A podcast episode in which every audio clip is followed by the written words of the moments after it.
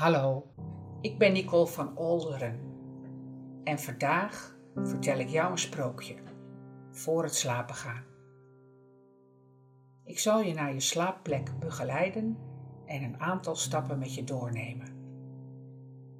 Mijn lijfspreuk is: onderzoek alles en behoud het goede.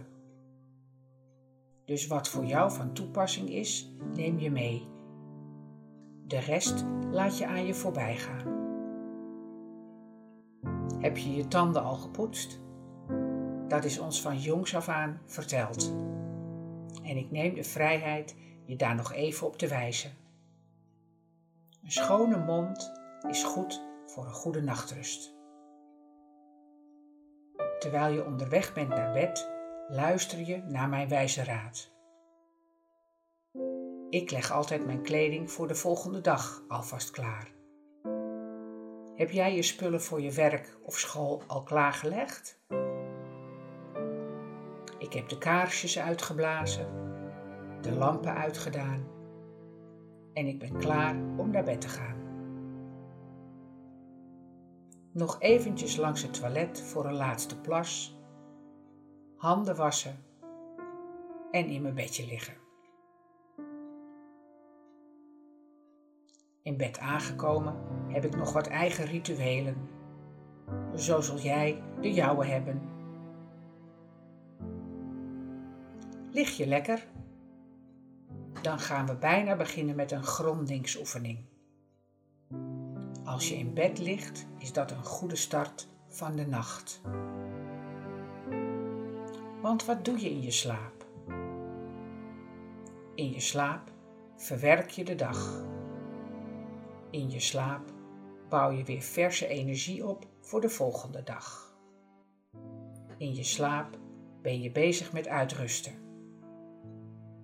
Soms zelfs ook met inzichten krijgen en het krijgen van ideeën, antwoorden. Antwoorden op vragen die spelen. In je slaap denk je bij. En dat is het allerbelangrijkste wat ik jullie wil meegeven.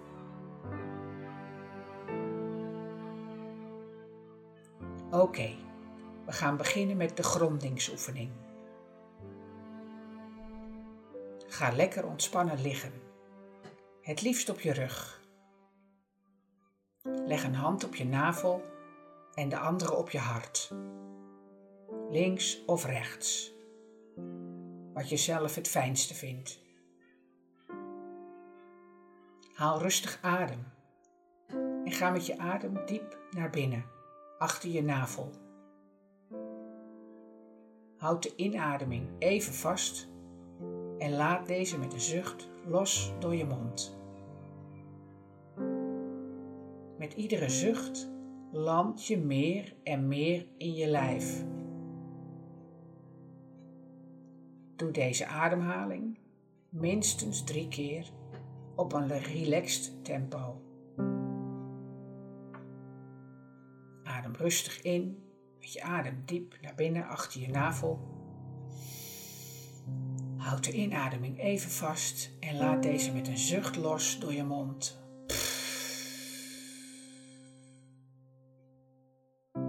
En nog een keer. Haal rustig adem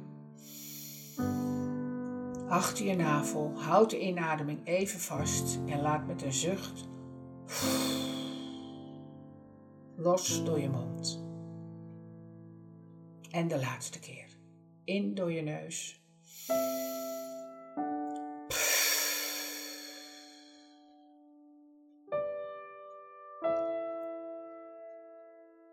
Ga dan met je aandacht naar je stuit. Die plek onderaan je rug net boven je billen. Bedenk, visualiseer of fantaseer dat je vanuit die onderste ruggenwervel, je stuitbordje, een grondingskoord van goud of zilver laat groeien. Ik zeg het nog een keer. Ga dan met je aandacht naar je stuit die plek onderaan je rug, net boven je billen. Bedenk, visualiseer of fantaseer dat je vanuit die onderste ruggenwervel, je stuitbotje, een grondingskoord van goud of zilver laat groeien. Dit gouden of zilveren koord is jouw verbinding met Moeder Aarde, Gaia.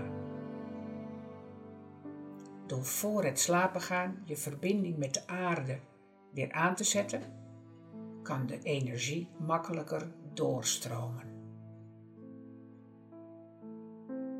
Laat het grondingskoord door het matras van je bed, door de vloer, de aarde ingroeien. Naarmate je deze oefening vaker doet, gaat het steeds makkelijker en sneller. Nu ben je klaar voor de nacht en mijn sprookje. Een goede nachtrust helpt je voor de volgende dag. En daar ga ik met dit sprookje voor het slapen gaan mijn energie voor jou instoppen. Ik wens je een fijn sprookje. Aladdin en de wonderlamp. Heel lang geleden leefde er in Afrika eens een tovenaar. Hij had gehoord dat er een lamp bestond die hem tot de machtigste man van de wereld kon maken. En daarom ging hij op reis. Hij moest en zou hem vinden. Hij reisde naar het verre oosten en daar ontmoette hij een jongen die Aladdin heette. Zijn vader was gestorven toen Aladdin nog erg klein was. Meer wilde de tovenaar niet weten en hij maakte de jongen wijs dat hij zijn oom was. Aladdins moeder was wel een beetje verbaasd, maar ze schotelde hem toch een heerlijke maaltijd voor. Wat doe je eigenlijk voor de kost, Aladdin? vroeg de tovenaar op een dag. Niets, oom, was het antwoord van de jongen. Daar moet dan eens verandering in komen, zei zijn oom beslist. Weet je wat? Ik zal een winkel voor je kopen. De volgende dag ging Aladdin met zijn oom mee om nieuwe kleren te kopen en misschien ergens een leuk winkeltje. Maar in plaats van de stad in te gaan, liep de tovenaar juist de hele andere kant op. Aladdin begreep er niets meer van. Het werd steeds stiller en stiller om hen heen. Plotseling bleef de tovenaar staan. Hij maakte een vuur en strooide er wat poeder overheen. Tot Aladdins verbazing opende de aarde zich en kwam er een grote, platte steen tevoorschijn. Onder die steen ligt een grote schat, Aladdin, zei de tovenaar. Samen schoven ze de zware steen weg en toen kwam er een trap tevoorschijn. De tovenaar gaf Aladdin een toverring en beval hem naar beneden te gaan. Aan het einde van de derde kamer brandt een lamp, legde hij de jongen uit. Die moet je voor me meebrengen. Aladdin deed zoals hem gezegd was. En niet lang daarna keerde hij terug. Maar toen hij zijn oom de lamp pas wilde geven als hij weer buiten stond, werd de tovenaar zo boos dat hij met een paar ingewikkelde toverwoorden het gat sloot zonder Aladdin eruit te halen. En toen keerde hij naar Afrika terug. Aladdin was wel een beetje bang in de donkere grot. En toen hij zijn handen wilde vouwen om te bidden, voelde hij plotseling de tovering. Hij wreef er zachtjes overheen en plotsklaps schoot er een geest uit tevoorschijn. Wat wenst gij? vroeg de geest. Ik zal alles doen wat ge me vraagt. Aladdin kon zijn ogen bijna niet geloven. Ik wil eruit, stamelde hij verbaasd. En even later stond hij in de frisse buitenlucht met de lamp nog steeds in zijn handen. Oh, wat was Aladdins moeder blij toen ze hem weer zag. Maar toen ze hoorde wat er allemaal gebeurd was, schrok ze toch wel een beetje. Maar nu heb ik helemaal niets meer te eten voor je, zei ze droevig. Je oom heeft alles opgegeten. Dat geeft toch niet, lachte Aladdin vrolijk. Ik ga deze lamp verkopen. Wacht, dan poets ik hem eerst een beetje op. Nu wist Aladdin wat hij doen moest en zei: Breng ons wat te eten, goede geest. En dat deed hij, schalen vol met vlees en vruchten en kannen met heerlijke wijn. Toen Aladdin de volgende dag een van de zilveren schalen van de geest verkocht, kreeg hij er zoveel geld voor dat hij samen met zijn moeder er weken van kon leven. En daarna verkocht hij de andere ook, behalve de schaal die helemaal vol zat met de mooiste juwelen, want die had hij zelf uit de grot meegenomen. Op een dag zag Aladdin de mooie dochter van de sultan en hij werd verliefd op haar. Zijn moeder was ervan overtuigd dat de sultan het nooit goed zou vinden dat zijn dochter met een arme jongen zou trouwen. Maar toch zou ze de prinses een paar geschenken gaan brengen.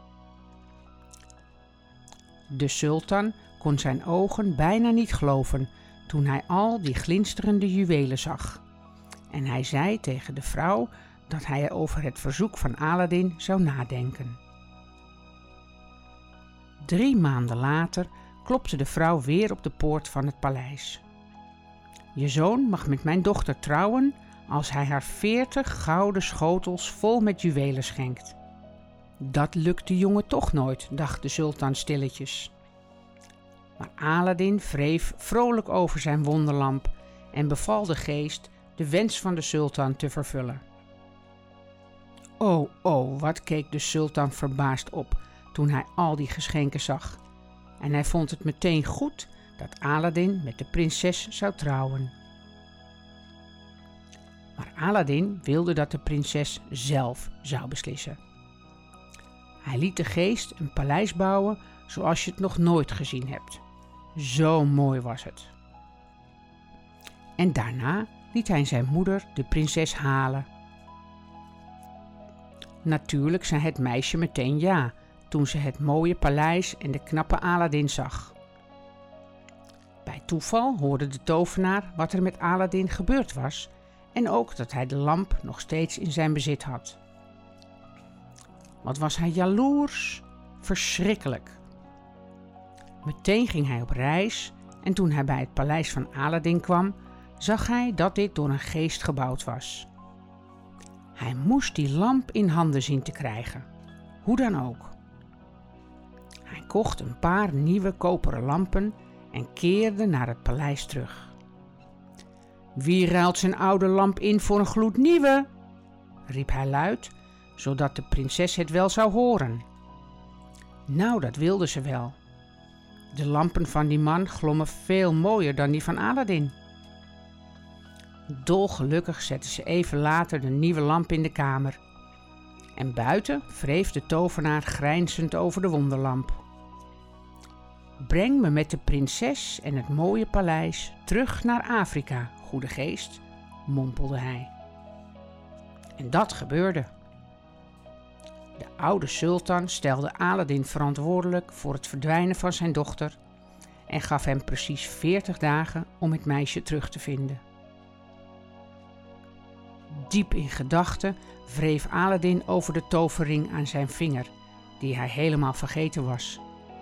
En op hetzelfde moment verscheen de geest. Breng me naar de prinses, beval Aladdin. En dat deed de geest. Wat was de prinses blij toen ze Aladdin weer terugzag. Maar ze begrepen wel dat ze nooit weg konden komen zolang de tovenaar leefde. En daarom mengden ze gif door zijn avondeten.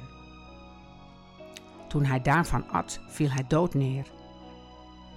Snel pakte Aladdin de wonderlamp en even later bevond hij zich met de prinses en het paleis weer in het verre oosten. Je kunt je wel voorstellen dat ze voortaan erg zuinig op de oude wonderlamp waren. En toen de oude sultan stierf, erfde Aladdin de troon en hij regeerde wijs over het land en zijn onderdanen. En nu is het sprookje uit. Ik laat je kennis maken met de slaapwensen. Vul zelf maar in wat jouw wensen voor deze nacht zijn. Ik wens voor jou dat je de rust ontvangt waar je lichaam mee kan opladen. Ik wens voor jou dat je geest zich kan ontspannen en kan verfrissen voor de volgende dag. Ik wens voor jou dat je positief deze dag afsluit en dankbaar bent voor alles wat je hebt ontvangen. Slaap lekker en wel te rusten van Nicole.